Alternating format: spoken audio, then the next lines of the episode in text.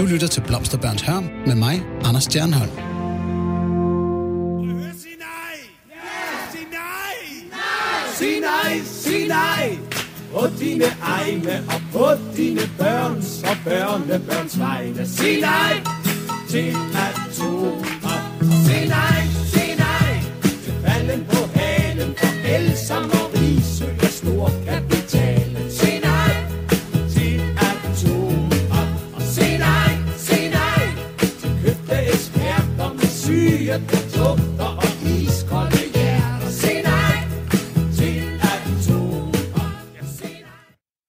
Som du måske har gættet nu, så skal vi i dag tale om atomkraft her i Blomsterbørns Hørm. Et samfundskritisk debatprogram, hvor vi måler og vejer hippietidens idéer for at finde de af dem, vi fortsat kan bruge i dag og i fremtiden til at gøre vores verden fredeligere, kærligere og federe. Og måske grønnere. For det er netop det grønne, vi skal vende i dag. Anti-atomkraftbevægelsen er noget af det mest kendte fra hippietiden. Du kender nok logoet. En lille smilende rød sol på gul baggrund med teksten Atomkraft, nej tak. Den lille sol er blevet beskrevet som et af de mest genkendelige logoer i verden af BBC. Solen blev et symbol for den danske anti-atomkraftbevægelse OOA, og er siden spredt til resten af verden. Den sad også i bagruden af min mormors bil, så jeg lærte den at kende som helt lille. OOA står for Organisationen til Oplysning om Atomkraft. Og hvis den ikke lige ringer en klokke, så er det måske fordi den blev opløst for 20 år siden. Den sejrede på en måde sig selv ihjel. Atomkraft var slet ikke en seriøs diskussion i organisationens sidste leveår. Men også i udlandet fik modstanden mod atomkraft luft under vingerne flere steder.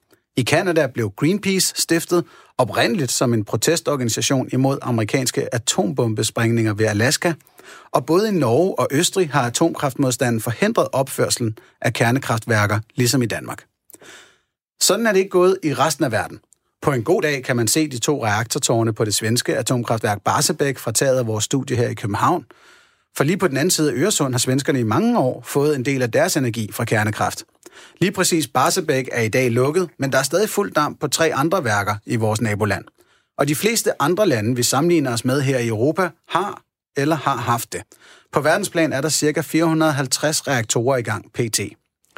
Var det en fejl at lægge dansk atomkraft i graven? Bør atomkraften være et supplement til sol og vind? Eller er kernekraften noget, menneskeheden bør lægge bag sig og fokusere på de rigtigt hippieagtige energikilder? Det skal jeg diskutere i dagens udgave af Blomsterbørns Hørm sammen med gæsterne. Jeg har Troels Schönfeldt, direktør fra Seaborg Technologies, en dansk virksomhed, der laver en ny form for atomkraftreaktor med os. Velkommen, Troels. Hej så. Og Sigfred Christiansen, stifter af OOA, altså Organisationen til Oplysning om Atomkraft, op gennem 70'erne. Velkommen, Sigfred. Ja, tak. Hej. Og med os fra Aalborg har vi Jakob Sink Tellufsen, der er adjunkt på Institut for Planlægning på Aalborg Universitet. Hej Jakob. Hej, mange tak. Og vi kan høre, at du er også godt igennem her. Øhm, lad os kaste os ud i det her. Du lytter til Radio 4. Sigfred Christiansen, du var der dengang, som jeg plejer altid at starte med her i programmet. Og vi skal nu kigge på, hvordan opstod den her modstand mod atomkraft i 70'erne. Øh, vi skal spole tiden tilbage til 1974. Det er året efter oliekrisen, og Europa og danskerne er dybt bekymrede for, hvor vi skal få vores energi fra i fremtiden. Så er der nogle politikere, der har fået en lys idé. Vi skal have atomkraftværker, ligesom vores venner og naboer har. Og så er der en lille gruppe aktivister, der ønsker det anderledes. Og en af dem var dig. Hvorfor havde I brug for at stifte OOA og tale den her øh, atomkraftidé imod? Altså, min egen baggrund, den er i, i fredsbevægelsen, øh, og øh, vi, vi øh, så meget tidligt, at øh, der er en kobling mellem øh, atomvåben og atomkraft. og øh, det, det fik os ind på det spor, øh, og vi sagde, jamen, øh, hvis det er sådan, så øh, vil det jo være meget rimeligt, at vi bruger de få kræfter, vi har som sådan en, en lille aktivistisk organisation, på at, at stille spørgsmål ved den idé med at få atomkraft også i Danmark, sådan som det jo var under opførelse og udvikling i vores nabolande. Og øh, det, det var i, i forsommeren øh, 73. Mm. Og hvad var der sket i vores nabolande på det tidspunkt? Ja, der havde man jo, øh, der var man begyndt, især i USA, var man begyndt at diskutere atomkraften. Også i Sverige diskuterer man atomkraften. Man var jo i fuld gang med at planlægge øh, opførelse af en stribe atomkraftværker i, i Tyskland og, og i Sverige, som de nærmeste nabolande. Ikke? Men øh, da, da vi diskuterede de ting, så viste det sig også, at man inden for miljøbevægelsen havde de samme tanker. Så der var folk fra, fra NOA og fra ungdomsorganisationerne og Naturfredningsforeningen. Øh, øhm, og derfor vi, vi slog os sammen og blev enige om at lave en fælles arbejdsgruppe der i sommeren 73. Og hvordan var folkestemningen, før I gik ud med jeres budskaber? Ja, den var jo øh, med hensyn til atomkraft ikke eksisterende. Der var ikke nogen, der, der lige vidste noget om atomkraft. Øh, alværkerne havde i en, i en del år øh, overvejet, og, og i første omgang havde man endda også købt en grund på, på Sjælland ude ved, øh, ved Kønbyværket, men øh, det, det opgav man i, i Østdanmark. Men, men Elsom, de, de tog det op lidt senere, og, og mål, gik målrettet efter atomkraft derfra, øh, ja, omkring de sidste 60'erne. Og, øh, og derfor øh, i, i samarbejde, eller, eller myndighederne, Rise og så videre, blev involveret, og man undersøgte mulige placeringer i Jylland og på Fyn. Ja, så hvor tæt var vi egentlig på at få atomkraft? På en måde var vi øh, ganske tæt på, da olieforsyningskrisen øh, øh, udvikle udviklede sig der i, i løbet af efteråret øh, 73, så øh, øh, synes man jo alle sammen, at nu, nu hastede det virkelig. Man skulle have afslutte afsluttet de her placeringsundersøgelser, og, og så midt i juleferien faktisk, så øh, bekendtgjorde alle sammen, at øh, nu mente man nok, at man inden for 14 dage skulle beslutte, at vi skulle have atomkraft. Det var et snedigt tidspunkt at gøre det på. Ja, det hang også sammen med den politiske situation. Vi havde haft det såkaldte jordskredsvalg der i begyndelsen af december, og vi som resultat af det, så havde vi fået en venstre regering. Øh, Alsams formand var blevet øh, arbejdsminister i den regering, og, øh, og derfor man, man mente egentlig, at man havde gode kort på hånden til hurtigt at kunne få det igennem.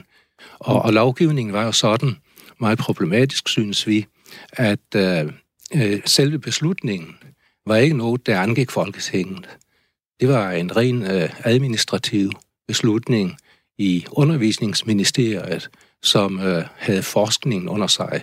Og spørgsmål om alt om Risø og atomkraft, det, det var et spørgsmål øh, under det ministerium. Vi så, havde simpelthen ikke en energiminister som sådan nej, dengang? Nej, nej, slet ikke. Så det, det var undervisningsminister Tove Nielsen i den der meget, meget, meget smalle, hartlige regering, som kunne skrive under og sige, nu skulle vi have atomkraft. Hvordan lykkedes det så jer at, at vende folkestemningen? Og ja, det politiske? Ja, så, der, så de der mulige placeringer blev offentliggjort sidste januar i 74, så øh, oprettede vi OA dagen efter. Øh, og jeg var jo velforberedt gennem et halvt år. Og, øh, og i og med, at man pegede på hele 12 forskellige steder i landet, eller i Jylland og på Fyn, så var der også god mulighed for at mobilisere allerede lokalt de steder. Men vores krav var jo, at vi, øh, fuldstændig som vi havde set i tidligere øh, debatter, ikke mindst øh, under AF-debatten, at der var en folkelig oplysningskampagne, så mente vi også, at så stort et spørgsmål skulle jo ud til en bred folkelig debat, og den skulle selvfølgelig ikke ligge centralt eller, eller administrativt ved, i, i et ministerium, men det, ville, det skulle, der skulle være en lovgivning, der sikrede, at Folketinget og befolkningen dermed var direkte involveret i beslutningen. Og øh, bed regeringen på den argumentation med det samme? Ja, det, det må man nok sige, at øh, der, der gik ikke mange timer, altså før øh, forskellige politikere, de gav udtryk for. Nu var det også rigtig mange af politikerne, der var kommet i opposition. Øh, mm. Alle socialdemokrater de radikale osv. Så, videre. så øh, de kunne jo godt se, at det der er helt, helt galt, at de ikke skulle have indflydelse på den sag. Og øh, der var også stor forståelse meget hurtigt for, at der skulle en oplysningskampagne til. Og derfor fik, hvad skal man sige, øh, fik OA hurtigt, øh, øh, hvad skal vi sige, troværdighed øh, ved, at vi stillede nogle realistiske, fornuftige krav, som kunne imødekommes politisk. Yes, jamen generelt må man jo sige, når, når vi kiggede tilbage på det her i researchen til programmet, så fremstår I som ekstremt succesfuld. Altså over en periode på 10 år, så vendte hele folkestemningen, og, og det virker ikke til, at det nogensinde nåede at blive en seriøs diskussion på Christiansborg heller. Øh, hvorfor var I så succesfulde, når det i andre vesteuropæiske lande jo endte med, at der kom atomkraft? Altså en helt væsentlig forskel er jo, at vi øh, kunne starte øh, den debat i, i vores samfund på et tidspunkt, hvor vi ikke havde taget en beslutning, hvor vi ikke havde store byggeprojekter, der var halv eller helt færdige, øh, og, og derfor ikke skulle nedlægge nogle værker og nedlægge en eksisterende industri osv. Øh, det, det tror jeg var en helt afgørende forskel. Øh, og udover det, så øh, betød det da meget, den øh, tilgang, vi havde, at vi stillede spørgsmål. Vi, vi, vi sagde, at vi var en organisation til oplysning. Det var, hvad skal vi sige, katalysatorvirkning, at vi skulle have oplysning, vi skulle med eftertanke, og vi, vi, vi stillede spørgsmål. Og vores publikationer hed også En fremtid med atomkraft, spørgsmålstegn. Er du tryg ved atomkraft, spørgsmålstegn, ikke? Mærket kom til atomkraft, spørgsmålstegn. Ah, nej tak, siger vi så. Lidt ja, okay, så I stiller spørgsmålet, men har svaret i baghånden? Mm, ja, altså, men uh, det, hvis du kommer ud med, med færdige uh, svar, så afskærer du jo debatten og eftertanken, ikke? Altså for os mm. var det utrolig vigtigt at lægge op til dialog med befolkningen, med tilhængerne af atomkraft, med, med alle myndigheder og institutioner, øh, for at få en forståelse for, hvad det var. Var det egentlig med den atomkraft? Var den problematisk, eller var den mindre problematisk? Og husker du pro-atomkraftsidens argumenter for den gang? Var der nogen af dem, der gjorde dig bare en lille smule positivt stemt over for kernekraften? Nej, fordi øh, de, de helt grundlæggende problemer, altså omkring øh, reaktorsikkerheden og, og øh, affalds, øh, altså meget manglende viden om, hvordan man skulle håndtere det radioaktive affald bagefter, de, dem havde man jo ikke bud på, og det har man som en, ikke engang i dag. Ikke? Øh, så øh, øh, på den måde øh, var det jo relativt nemt at imødegå den entusiasme, øh, alværkerne og andre havde og, og, og samtidig så var de, var de altså i modsætning til os vil jeg sige, så var de jo aggressive og arrogante. De, de skældte os ud for at være bare fodskænger og maskinstormer og øh, ja, pseudo, pseudomarxistiske skrålhalse blev vi også kaldt, for eksempel. Ikke? Okay, det var altså, det, det, det altså, var... Blev I kastet meget i ledtog med hippierne og alt det? Ja, det var det, var det man prøvede på, i, i, især hende Morten Lange i sin tid, ikke? Og, og, men også Alsams folk og så videre.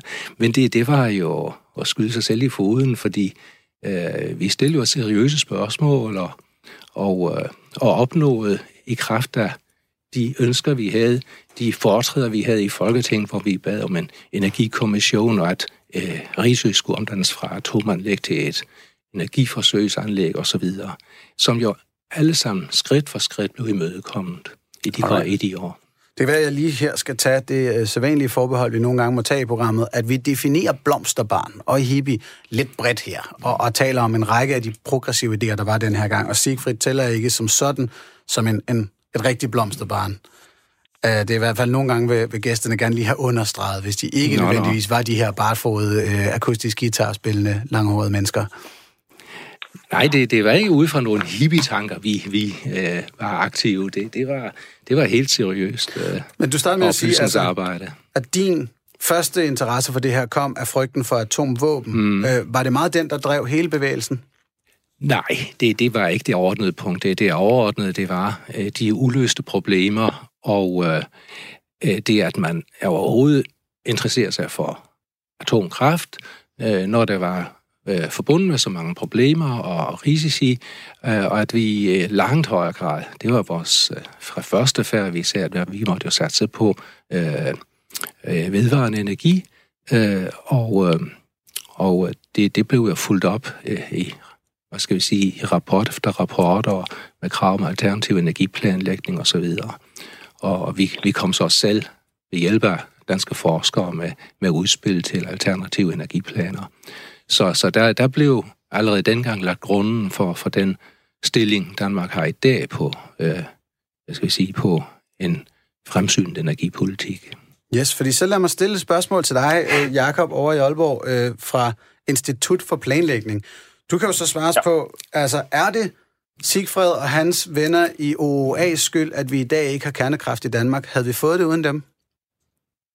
Det, det er et godt spørgsmål. Man kan sige, hele, hele energiplanlægningsforløbet tilbage i 70'erne, hvor, hvor de officielle planer jo egentlig pegede mod, at vi skulle have atomkraft, og så de alternative planer som, som OA og, og de forskere, øh, blandt andet også en af mine kollegaer, har været med ind over i forhold til at lave.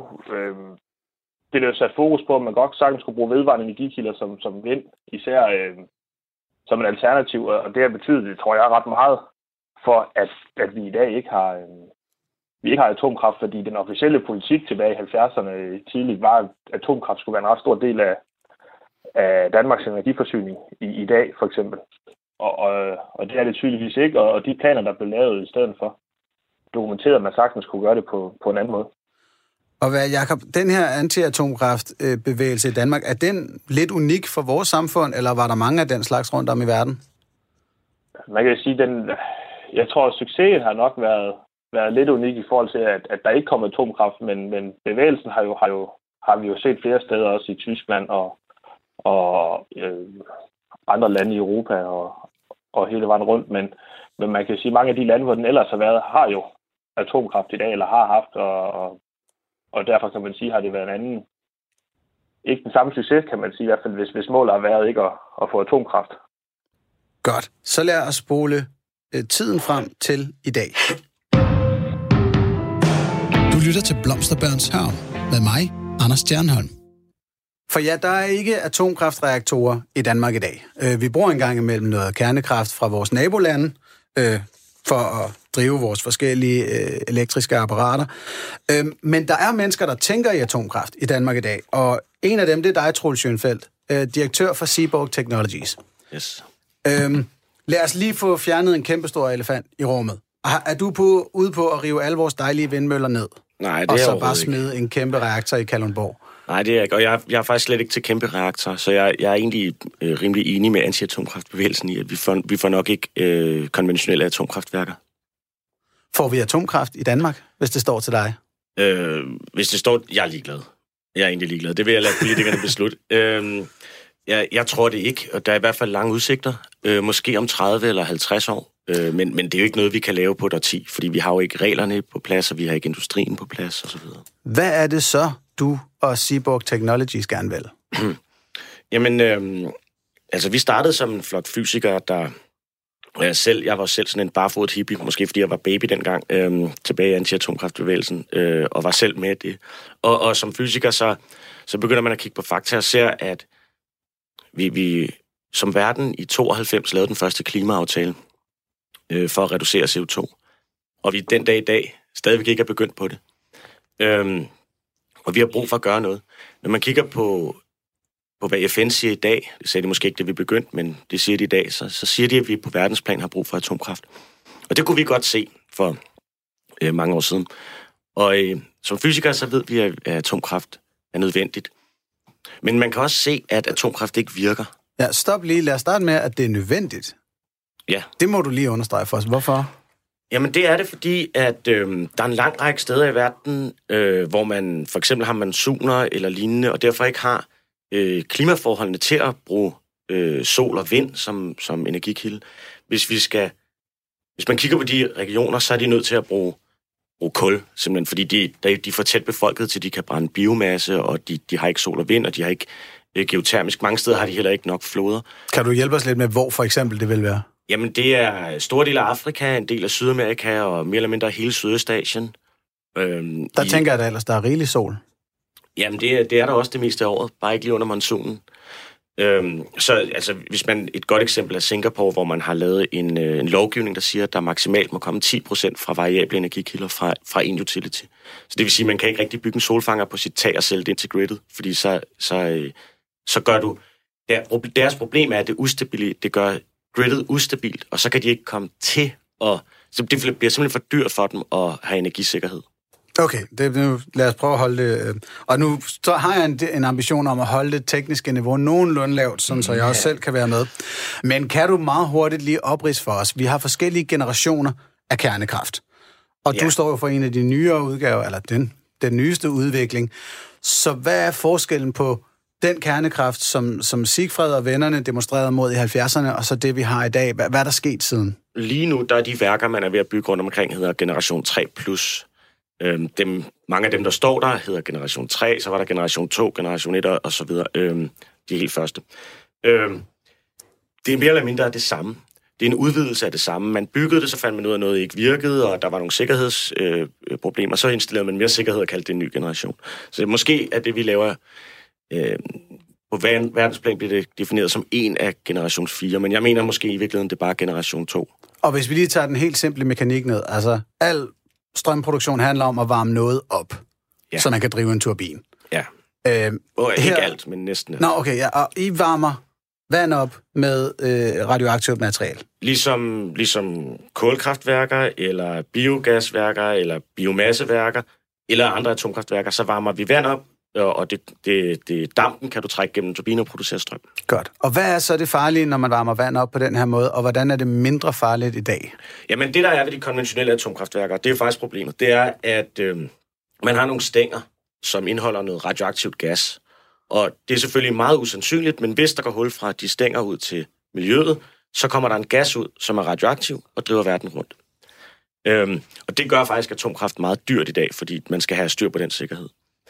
Det vi gør, det er, at vi tager en, en smeltet salt, øh, som basalt set er en sten, som vi pumper ind i atomreaktoren og genererer energi. Og den, øh, den holder på de her radioaktive stoffer som en, som en del af salten. Så hvis der går hul på noget, og det kommer ud, så løber det ud og størkner. Så på den måde har du ikke noget gas, der slipper ud, og du har ikke noget, der kan reagere med vand. Så ulykken er ligesom begrænset inden for hegnet, og det, det er ret anderledes, end hvad man, man for eksempel så på øh, Tjernobyl eller Fukushima. Godt.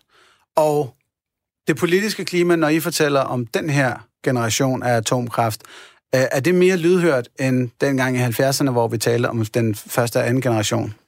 Det er jo... Øh, ja, det, det er et næsten irrelevant spørgsmål. Øhm, jeg, jeg, tror, okay. jeg tror, nu har vi lavet klimaaftaler siden 92, så der er stadig ikke sket noget. Så jeg, jeg tror, at øh, det vi kan se, det er, at det er pengene, der skal drive det, og ikke politikerne. Så det vigtige er egentlig, at du kan gøre det billigt nok til, at nogle investorer køber ind på det. At man så kan få politisk medvind, vil være utroligt brugbart. Øhm, lige nu har vi ikke så meget, men man kan også sige, vi har ikke nogen atomkraftindustri i Danmark, så vi har heller ikke så meget modvind. Så hvor har I medvind henne? Hvor har I investorer? Jamen, altså, vi har nogle investorer her, men, men øh, der, hvor man, der, hvor vi gerne vil bygge, er selvfølgelig Sydøstasien, hvor de ikke rigtig har andre muligheder. Der, der, der står de og skriger efter den her type teknologier. Lige nu er de ved at bygge 250 kulkraftværker i Sydøstasien. Det er uden Kina og Indien. Kina og Indien bygger endnu flere. Øhm, og det kommer til at eksponentielt stige over de næste årtier. Øhm, man kan, hvis man kigger isoleret set på, på Sydøstasien, så skal de bruge lige så meget energi om 30 år, som, vi, som verden udleder i dag. Så, og det har de kun kul og gas til. Så Godt. de har brug for et alternativ, og det er der, vi går ind. Og der vil de rigtig gerne have det. Og hvornår regner du med, at vi første gang har en, en reaktor klar bygget af, af jer? Jamen, hvis alt går vel, så kan vi begynde at bygge i 24, og så har vi den første kørende i 25. Øh, det er en meget, meget lille teknologi, jeg så det er faktisk ret sige, simpelt det var baks med et hurtigt kerne øh, atomkraftværk der. Jamen, det er en del af ideen. Problemet ved atomkraft er jo ikke kun prisen i dag, det er jo også, at det tager 15 år at bygge. Øh, med de her værker, der bliver det meget mindre og meget mere kompakt. Vi kan bygge en 20-fods container. Så kan man meget let masseproducere det og shippe det derind, hvor det skal stå. Vi kan gøre det på sådan nogle pramme, som man kan bygge i Sydkorea. Så kan vi sejle dem til, til Sydøstasien og bare øh, plukke dem til gridet i en havn. Hvorfor tager de andre så lang tid? Atomkraftværker i dag? Ja.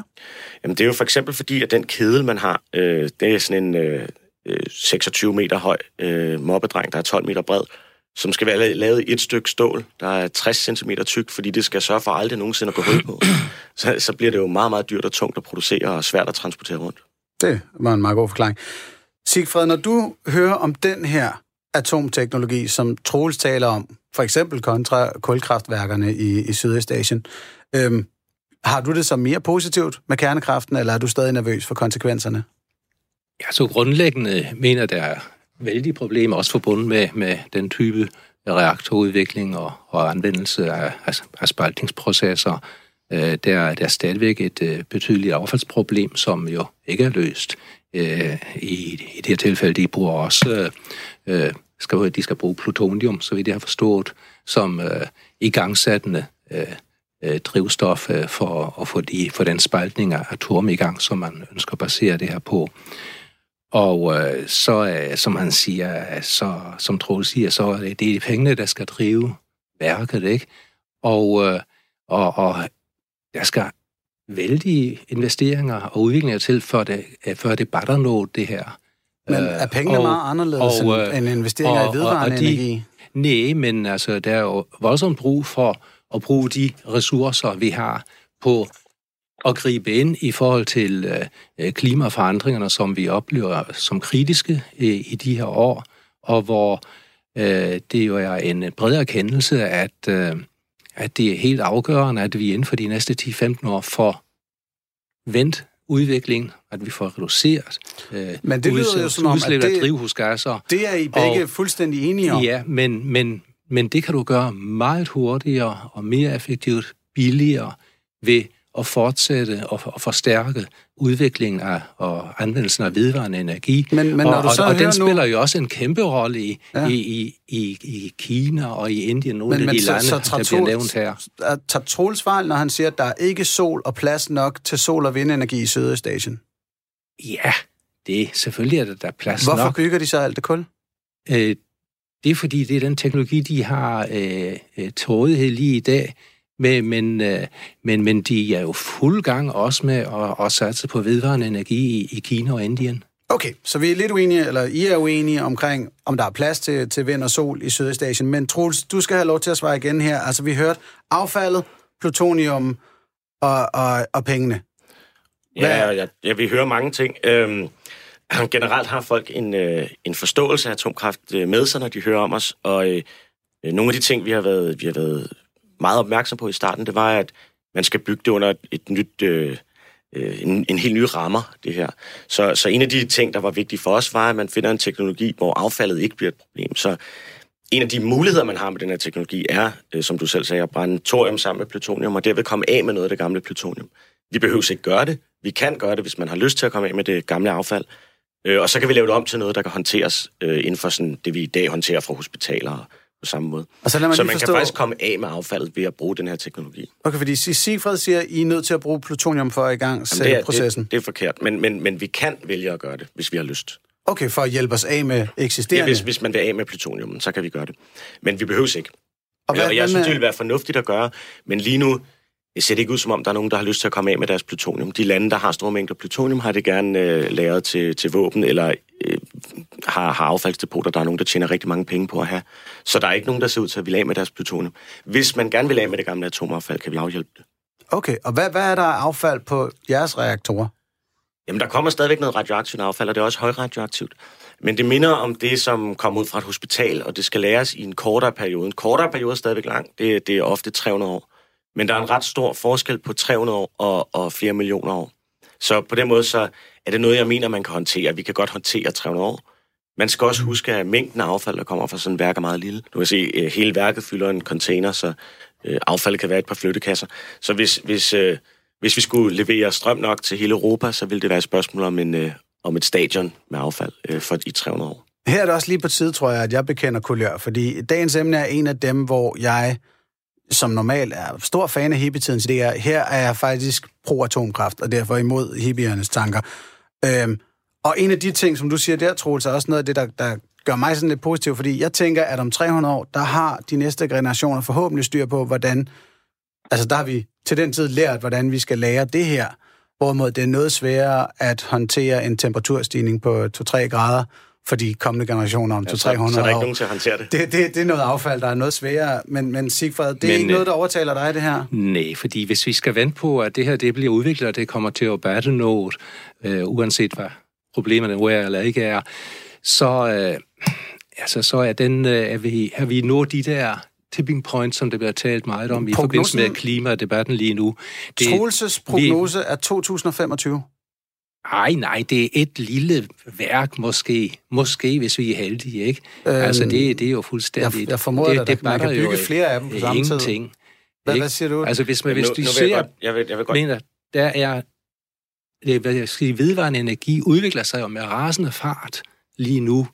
Er atomkraft set, ikke det? Nej, overhovedet ikke. Atomkraft står stille og går ned. Du har flere hundrede Altså mener gamle... du her i udbredelse eller teknologisk udvikling? I, i udbredelse, i kapacitet. Men det er jo en politisk ikke? størrelse. Her snakker... Øh, Nej, altså, tror, hvis du skal ændre må på... Jeg, må jeg lige komme ind her? Jeg, jeg, jeg vil gerne sige, at... Øh, øh, den der med, at, øh, at, vi ikke, at det går langsomt, og det er et værk. Det er rigtigt, det er kun et værk. Det svarer til en vindmøllepark. Det koster mindre, og øh, det har et større øh, klimagevinst. Øh, Men, men, øhm, men vi kan jo masseproducere dem her langt hurtigere, end man kan producere vindmøller.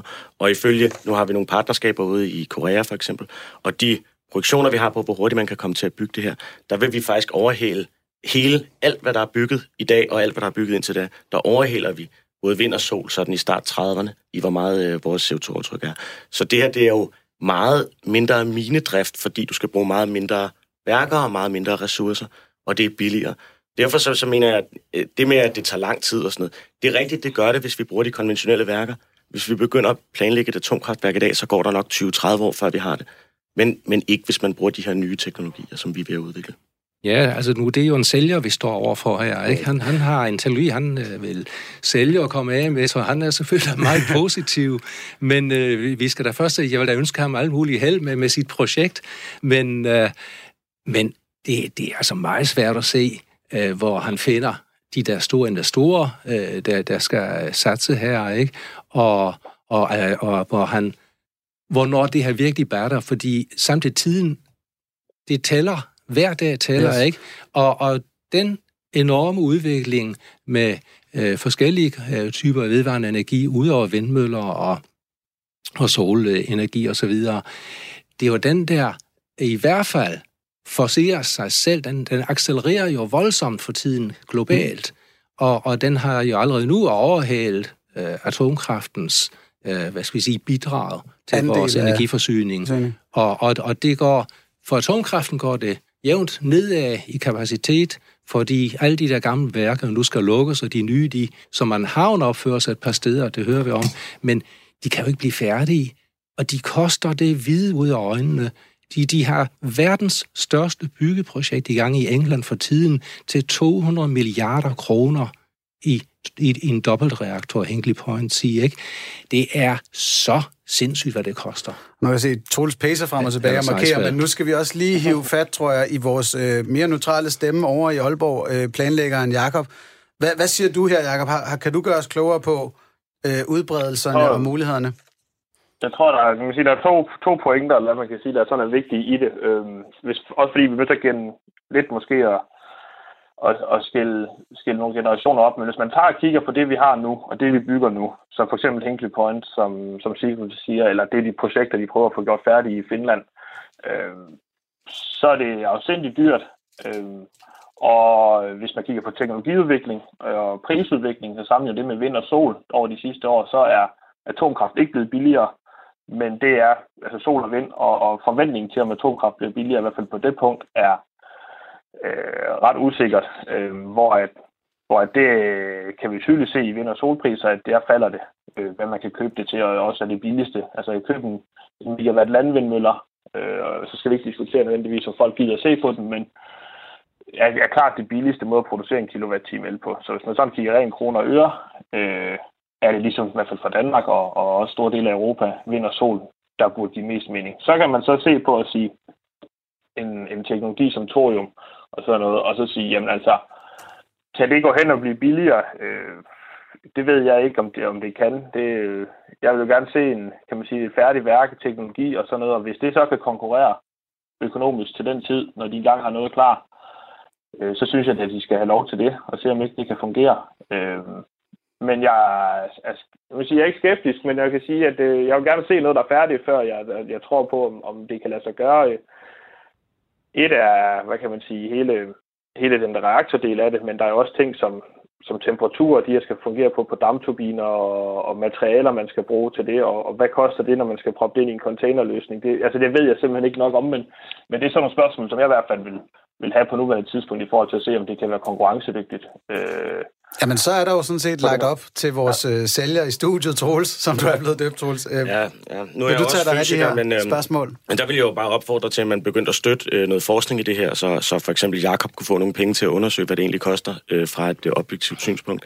Vi, vi kigger jo selv på det sammen med vores partnere, og der er jo nogle, der kommer jo nogle estimater ud den vej, og der, der siger det billigere, end hvad der er i dag af andre teknologier. Men det er vores estimater. Det kan man selvfølgelig ikke bruge til så meget. Øhm, lad os se, når der så er et stort produkt, og der er en pris på. Ja, det lyder det, som om... Det vil, jo, det vil jo give fuldstændig, det vil jo give Jacob fuldstændig ret i, at vi skal have bygget et først. Men man får jo ikke bygget et, hvis der ikke er nogen, der går efter det. Og så vil jeg også sige om det med, vi skal selvfølgelig finde nogle investorer sted. Vi har investorer, vi, vi er 30 mand ansat nu, og, øhm, Og det er sådan, vi har fået vores penge. Vi finansierer endda forskning ud på, på DTU. Så, så det, det, øh, det er sådan set, indtil videre har vi fundet de investorer, vi, vi skal, så jeg kan ikke se, hvorfor man ikke skulle kunne finde det i fremtiden. Du markerede igen, Jacob? Ja, men det er, altså man kan sige, det, er jo, det, det, er jo, det bliver jo en konkurrenceting, ikke, i forhold til at sige, fordi vi har jo hele, hvor man siger, elforsyningen, som, som, som atomkraft kan levere til og sådan noget, men der kommer jo en, der kommer så mange ting i sådan en fremtidig energisystem, vi skal, vi skal ligesom skal have fundet ud af, hvordan vi løser, øh, og der kan man sige, der adstiller atomkraft. Øh, hvis man så skal sammenligne og sige atomkraft, så har du en eller anden form for, hvis man økonomisk skal det til at rundt i dag, en eller anden form for konstant produktion, du rigtig gerne vil levere, så du kan tjene nogle penge. Du vil rigtig gerne undgå at lukke ned for, for atomkraftværker og sådan nogle ting. Øhm, så vi skal også finde ud af, hvordan håndterer vi fleksibilitetsproblemerne. Hvis det er de nuværende atomkraftværker, og der kan man selvfølgelig sige, at jamen, kan vi bygge nogen, der er lidt mindre, så kan det selvfølgelig være, at de måske kan, kan køre sådan lidt i nogle, nogle driftsmåder, hvor, hvor du kan blive lidt mere fleksibel, men omvendt så har du også investeret. Hvis, ikke du kan få, hvis du kan få den teknologi ned i en pris, hvor den er billig, så, og, og, du, og du rent faktisk som investor kan, vil acceptere at slukke den eller skrue ned for din produktion, så havner du i en situation, hvor vi stadigvæk skal finde nogle løsninger på, på nogle af de her fleksibilitetsudfordringer, som egentlig er meget lige på nogle punkter. Øh, nogle af de udfordringer, folk snakker om, der er med vedvarende energi. Altså, at, at vind, altså vedvarende energi producerer hele tiden, så det passer ikke til behovet. Så kan man egentlig sådan set, hvis man kigger på Frankrig for eksempel, have den omvendte udfordring, hvor du hele tiden er nødt til enten at eksportere eller importere, i, eller eksportere en masse energi om sommeren, fordi dine atomkraftværker bare banker derud af, fordi du skal tjene nogle penge på den. Øh, så, så der er der også øh, nogle udfordringer, kan man sige. Så det er bare for at sige, at hele den her investorer-ting, og, og, og hvor skal man gå hen, så er der rigtig mange udfordringer, der skal løses i, i fremtiden. Og, og så er det jo spændende at se, om, om hvad behovet så er for, for forskellige yes. teknologier. Altså, hvis vi lige lader energibyråkratiet og økonomien ligge, så kan vi lige kigge på den teknologiske udvikling. Du lytter til Blomsterbørns Havn med mig, Anders Stjernholm. Og i dag taler vi om atomkraft. Hippierne var er vidt berømte for at være imod atomkraft. Det var noget af det, der virkelig samlede bevægelsen. Og mine gæster i dag er Troel Schönfeldt, direktør i Seaborg Technologies, en dansk virksomhed, som laver en ny form for atomkraftreaktor. Og så har vi besøg af Sigfred Christiansen, som var stifter af OOA, Organisationen til Oplysning om Atomkraft op gennem 70'erne. Og med os på en telefon fra Aalborg har vi Jakob Seng Tellufsen, der er adjunkt på Institut for Planlægning på Aalborg Universitet. Og vi har vendt nogle af de her ting. Vi har vendt, at Troels har gang i en, en ny generation af reaktor, som måske kan konkurrere med den vedvarende energi. Det, jeg forløbig fornemmer, og som gør mig meget optimistisk, det er, at begge teknologier accelererer i de her år og bliver bedre og bedre. Øhm, men det får mig så også til at tænke på, her 46 år efter, at OA blev stiftet, har den her kamp imod atomkraft så haft en negativ konsekvens for vores klima, fordi at forskningen i kernekraft er, er blevet forringet. Og øh, det er et spørgsmål til alle sammen, men vi kan lade Troels starte. Jamen altså, øh, jeg mener faktisk, det var flot, øh, at man gik imod atomkraft dengang, og jeg mener faktisk, det er noget, vi som Danmark kan være stolte af. I bagklodskabens lys kan man sige, at vi måske havde, havde haft mindre CO2-udslip, hvis vi havde, hvis vi havde brugt atomkraft. Men der var også nogle problemer med den teknologi, nogle ret fundamentale og ret alvorlige problemer. Ultimativt endte den jo med ikke at kunne konkurrere med, med andre energiteknologier på pris og på, på hvor lang tid det tager at bygge den. Og derfor så, så er det jo ikke sket på verdensplan. Også i de lande, hvor man faktisk har pro-atomkraft, er det ikke sket. Så hvorvidt øh, hippie øh, nej takket var, øh, øh, var skyld i, at vi ikke fik atomkraft, synes jeg måske, man skal stille spørgsmål, øh, spørgsmålstegn ved. Hvis vi havde haft atomkraft, havde vi ikke haft øh, klimaproblemerne, men så havde vi nok haft nogle andre. Og hvad tænker du, Sigfrid? Har, er, er du nervøs for, at I kan have bremset forskningen på det her område? Nej, altså, øh, det er ret entydigt, at, øh, at de øh, øh, krav, vi stillede dengang om, øh, om at fokusere på øh, vedvarende energi, at, at det har da været vigtigt, og det har der lagt grund, grunden til, at Danmark har fået den meget positive udvikling på energiområdet, så, som man står med i dag, hvor man ikke er bundet op på fejlinvesteringer i atomkraft, som man en hel række andre lande jo nu slås voldsomt med.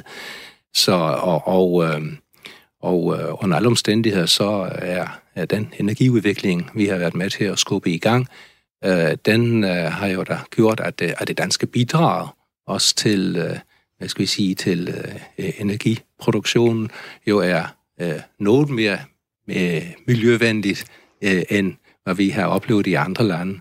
Altså OA gik også samtidig øh, meget imod og, øh, øh, hvad skal vi sige, kul øh, værkerne, ikke? Og, og var stærkt medvirkende til, at man der allerede var det sidste i 80'erne vedtog politisk et, et stop for kulkraftværker her i landet, ikke? og afvikling.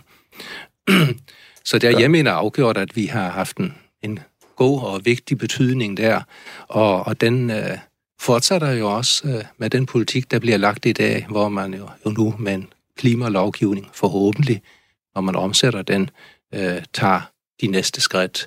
Men det haster. Ikke? Alle er jo enige om, at, øh, at det skal ske noget nu, inden for de næste 10-15 år, med hensyn til klimabalancen. Og der kan vi jo nok så meget høre om, om de der øh, tormværker, som Troels her agiterer for, eller gerne vil sælge. Ikke? Altså det, men det er jo fugle på taget. Det, der er jo ikke realiteter i det. Vi står med en hel masse gode muligheder i hånden, og skal bruge masser yes. af penge på den at investere i dem. lige, den der og, samtale om, om fremtiden, ja. et, et par minutter. Øh, bare lige for at høre dig, Jacob, øh, over i Aalborg. Øh, den her atomkraftmodstand, har den, som Sigfred siger, betydet, at vi slap for at fejlinvestere i, i A-kraft, og, og har det gjort Danmark øh, bedre klimamæssigt, at vi havde den her modstand? Altså, jeg vil, jeg vil sige, at, at jeg tror, hvis vi tager det første spørgsmål, du egentlig stillede, om, om det har været en hindring for os, så tror jeg ikke, at det, vi ikke har atomkraft, ikke har, det har ikke haft en, en betydning for, om, man kan jo sige, om, om vi har bremset os selv i forhold til at nå målen omkring CO2-reduktioner øh, og, blive 100% vedvarende eller 100% CO2-frit øh, på et eller andet tidspunkt. Det, det tror jeg ikke. Og, og så kan man så sige, at det har jo så medført, at vi har, at vi har fået udviklet en vindmølleindustri og, og ledende på det område, og at vi har, kan man sige, forskningsmæssigt og energimæssigt er vi, er vi ret langt fremme på, på hele den vedvarende energisektor, og også som energisystem øh, er, er rigtig gode til at bruge det, og, og skal ved med at holde det. Så på den måde her kan man sige, så har man ikke valgt at, at lægge sig fast på atomkraft. Og man kan også sige, hvis du kigger på, på udviklingstiden af et atomkraftværk, i det øjeblik, det går op for nogen rigtigt, at vi skal gøre noget ved det her CO2-udfordringer, og det ligesom bliver politisk, så kan man sige, den, den, den daværende atomteknologi havde jo ikke stået klar til, at vi kunne køre 100% på det i dag, hvis det var det, vi skulle. Øh, tror jeg ikke. Øh, mm. Så har vi stadig haft en del kul og gas og sådan noget i dag i Danmark. Øh, så, så, øh, så jeg tror, kan man sige, det har drevet, at vi har flere, mere vedvarende energi i form af vindmøller og, og solceller på en eller anden måde. I hvert fald, at, at vi har valgt at sige nej til atomkraft. Godt. Og så lad os kigge mod fremtiden. Du lytter til Blomsterbørns Havn med mig, Anders Stjernholm. Jakob, kan du ikke prøve at forklare os, øh, hvordan det globale energibehov kommer til at se ud i de kommende år? Jo, så det jeg øh, har været lidt i, i gang med at kigge på, det er jo, det er jo, det er jo et stort spørgsmål, når snart vi snakker globalt, og ikke, øh, kan man sige, kun Europa og USA, fordi så snakker vi også øh, befolkningstilvækst, og vi arbejder i, at folks levestandard det også skal også forhåbentlig stiger i, i, i, i mange dele af verden. Øhm, og det gør, at der bliver et højere krav for energi, og det er, når jeg prøver at finde de tal og de ting, som det internationale energiagentur ligesom prøver at fremskrive sig frem til, og det kan man så sige, om det er rigtigt og forkert, men lige meget hvad, så bærer det præg, at vi, at vi kommer til at skulle stige ret meget, øh, hvis vi bare gør, som vi gør i dag, at vi skal bruge kul og olie, og de politikker, vi har lige nu, er som de er. Øh, så går vi cirka fra at skulle have et brændstofforbrug globalt set, hvor vi bruger vind, sol, kul, olie, atomkraft på omkring 166 petawatt-timer. Og det er så et meget stort tal, som ikke nogen kan forholde sig til. Men, ja, ja, tak. Øh, hvis man så skulle sammenligne det med Danmark, så er det øh, cirka hvad er det, 800 gange så meget energi, som vi bruger i Danmark i dag. Det er det, vi har lige nu på globalt set øh, i brændstof. Og det skal stige cirka 20-25 procent frem mod øh, 2040. Alright. Og... Øh, og der ligger en stor del, kan man så sige, så kan du tage, øh, hvor en stor del af procentmæssig stigning vil jo ligge i Afrika og i Østasien. Øh, men omvendt kan man sige, så er der også nogen i dag, der bruger relativt øh, lidt energi. Nogle steder i fald, kan man sige, i Sydvestasien og i, og i høj grad i Afrika, kan man sige. Altså Afrika forventer, at man skal stige med 55 procent energiforbrug. Ja, fordi, og det håber jeg, at det her det er medregnet, at hele bilparken kommer til at skifte ja, over det er, elektrisk. det er og, alles. Og jeg skal på 3D-tænder til næste år og sådan noget der. Det, det kommer til at suge jo. Altså det her, det jo handler om, at, at vi jo ikke kun kigger på elsektoren. Elsektoren er en relativt øh, begrænset del, hvad man siger, sådan rent det. Hvad bruger man som energi derhjemme i en husstand? I hvert fald i Danmark, kan man sige, så, så er det jo en del, så bruger man en del på opvarmning, og så er der en masse, vi også bruger på, på industri og, på, og i høj grad transport. Og transportsektoren er jo en kæmpe udfordring øh, globalt set at få løst. Yes. Hvor man kan sige, el er næsten det, vi er bedst til at skulle have en løsning til, hvad vi gør ved.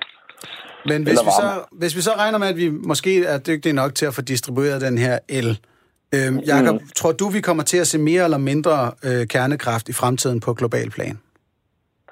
Øh, det tror jeg, det handler om, øh, hvad omkostningerne er til det, øh, og, og hvad, hvad priser man kan lave det til. Øh, jeg er ikke... Øh, øh, sådan at sige, øh, om det så bliver mere eller mindre, man kan se, at nogen lukker i Europa, det der er måske noget politik, men det er også fordi, at man en i de lande, som hvis man tager Tyskland og sådan noget, der kan man sige, du, de kan jo egentlig bygge vindmøller og producere det til, øh, producere den vindenergi til, til nogle billigere penge, end det de kunne på de atomkraftværker. Men hvis de kan, hvis de kan opretholde en pris, hvor, hvor det er konkurrencedygtigt, eller, eller en kommende teknologi, der kan, der kan levere energien, så er jeg ikke sekund i tvivl om, at vi vil se atomkraft øh, i nogle lande. Så det er et spørgsmål om, vi står som nogle stedige kunder med korslagte arme og siger, hvad koster? Ja. Men det er jo det samme, kan man sige. Det er jo ikke, det er jo ikke et unikt atomkraftproblem, kan man sige. Det er mm. det samme udfordring, vi har med, hvordan kommer vi til at proppe øh, brændstof i vores fly. Så kan du også, så må du også sige, stille spørgsmål, skal vi flyve i fremtiden? Og sådan noget. Det er jo også en udfordring i, hvad, hvad er det, vi vil bruge vores penge på? Og i det øjeblik, vi, vi, vi stiller det op, kan man sige, så er det jo der, hvor jeg synes, det er unikt, den her problemstilling i forhold til at snakke fly, det er at sige, hvis vi bare tager Danmark, og det ved jeg godt, at det er ikke nødvendigvis her, vi skal have atomkraft, men, men måske også, hvis vi kigger 2050, så siger vi, at altså, det, det skal gå ret stærkt i bare vores rene elforsyning og vores rene varme, varmeforsyning eller køleforsyning i de her lande inden for de næste 15-20 år, hvis vi skal have nogen som helst chance for at nå 2050. Så vi skal stå og have, have omstillet på en eller anden måde, i hvert fald i, i den del af verden, vi befinder os i, rigtig, rigtig meget af vores elforsyning og varmeforsyning til et eller andet, der ikke udleder CO2 nu Yes. her. Og, og det må sige, det er udfordringen ved atomkraft at sige, få det implementeret hurtigt nok, øh, hvad man kan sige, øh, Yes. i Og det er en så- pris, der er konkurrencedygtig. Det er jo så den udfordring igen, du sikkert også godt ved, du ja. Ja. står med, Troels. Kan du gøre det billigt og hurtigt nok? Øh, forhåbentlig, ellers så har vi et problem ifølge FN. Yes. Og hvad tror du selv på, at atomkraft kommer til at fylde mere i verdens energiforsyning? Altså ikke under den eksisterende teknologi, og det er jo det, der er dilemmaet. Vi ved, at vi skal bruge meget, meget mere atomkraft på verdensplan, og vi ved, at den eksisterende teknologi, den, den langsomt er ved at blive lukket. Og, og så spørger så, den teknologi, som det kraftværk, du håber på at bygge og have klart i 2025, er det så bare den, den første prototyp af noget, du regner med bliver blive løbende forbedret? Ja, altså med de planer, vi lægger med, med, med partnere og sådan noget, der, der kan vi bruge de her skibsværfter og komme op og bygge øh, omkring 7.500 af de her reaktorer øh, frem til 2040. Og det er 7.500 reaktorer lyder ikke så meget, men det er faktisk øh, strømforbrug, eller øh, strømforbruget til cirka 1 milliard mennesker. Øh, så det vil være på verdensplan en ret signifikant del af hele klimamålet, man havde nået på det alene. Det vil vel Vi kan- en 15 procent eller sådan noget af det hele. Ja, strømforbruget, men strømforbruget er jo så kun 15 procent af energiforbruget, og vi skal Ah, også løse resten. Så, så, så øh, vi kan selvfølgelig løse langt mere end andre grønne teknologier, men, men det er langt fra nok. Samme spørgsmål til dig, Sifred. Tror du, at atomkraft kommer til at fylde mere i verdens globale energiforsyning fremover? Det tvivler jeg stærkt på. Øh, altså det, der er selvfølgelig mange lande, der står og, og hopper og er interesseret i at få atomkraft, og- men, men det er jo forskellige lande i Mellemøsten og i, i udviklingslande, og, og, og, og, og især lande, som øh, har en interesse i at få, kom, hvad skal vi sige, få adgang til den teknologi, der, der følger med, fordi man øh, i sidste instans ser potentiale for at blive en del af det, hvad skal vi sige, af det nukleare våben, den nukleare våbenudvikling og få adgang. Ikke? Og altså derfor har vi også konflikten i Iran i øjeblikket, ikke med at øh, den atomaftale nu falder fra hinanden, hvor man ønskede at, at bremse. Øh, men øh, øh, det, det er jo bemærkelsesværdigt, at øh, de lande, som virkelig holder fast i atomkraft, øh, det er jo de lande, som er atomvåbenmagterne. Det er Frankrig, det er England, det er USA, det er Mm. Kina, det er Indien. Ikke?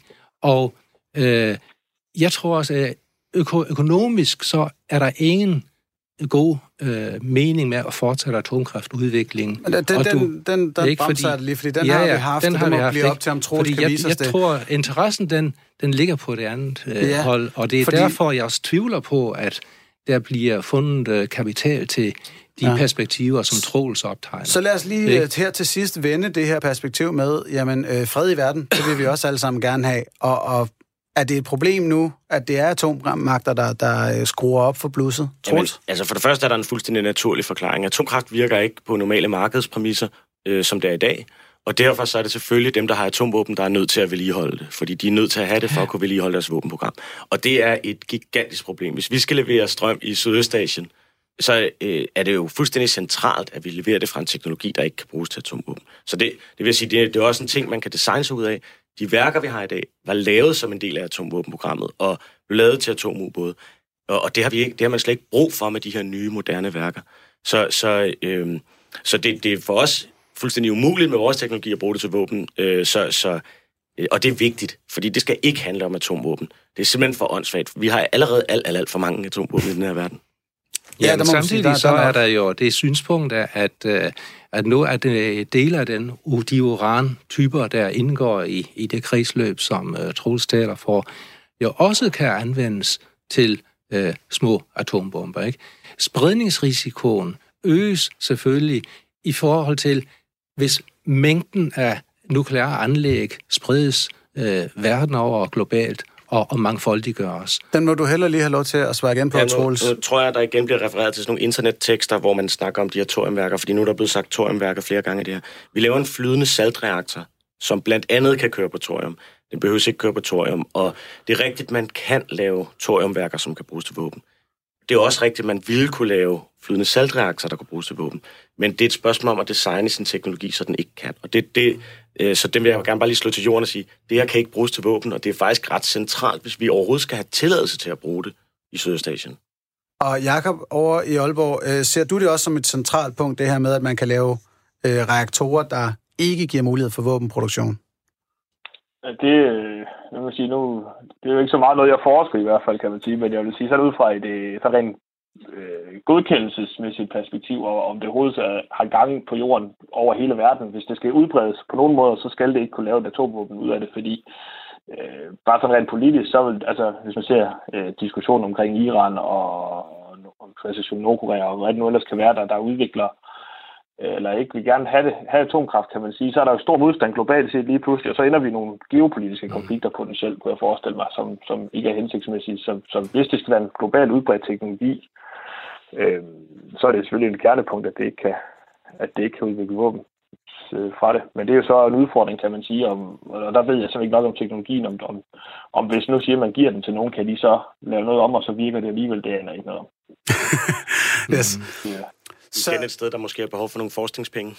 Ja, for det... Ja, i hvert fald på, men det vil sige, det er nok ikke noget, jeg skal, jeg skal ligge og forske i. Det, det kan godt være, det er, men uh, det var være meget sjovt at se på. Men uh, altså, det er jo, det er jo også noget med at sige, når man arbejder prototyper, hvad, eller ikke prototyper, arbejder frem mod noget, som siger, hvad er, uh, hvad er retning går det i, og der er jo mange ting, der skal, der skal løses. Jeg synes i hvert fald, det virker som om, at vi, hvis jeg skal være meget optimistisk omkring det, vi står her i 2020'erne med et, et nyt atomkapløb, som er et spørgsmål om, hvorvidt kernekraften kan konkurrere med den vedvarende energi i den teknologiske udvikling, og vi, begge parter, det er ikke enten eller den her debat, det vil vi jo forhåbentlig alle sammen enige om. Ja. Øh, det er bare et spørgsmål om, hvad er egentlig bedst, hvad er egentlig billigst for os, og så er det et spørgsmål om at få kastet forskning efter begge dele. Er, er det kompromis, vi i hvert fald kan komme frem til? Altså, jeg vil sige, at vi skal kaste forskning efter begge dele, og vi skal have den her teknologi. Jeg vil faktisk sige, at atomkapløbet ikke er et kapløb mellem atomkraft og vindmøller. Det er, det er et kapløb, hvor atomkraft og vindmøller løber ved siden af hinanden mod kul. Og, øh, og øh, atomkapløbet lige nu er mellem Kina, USA og os øh, på den her teknologi.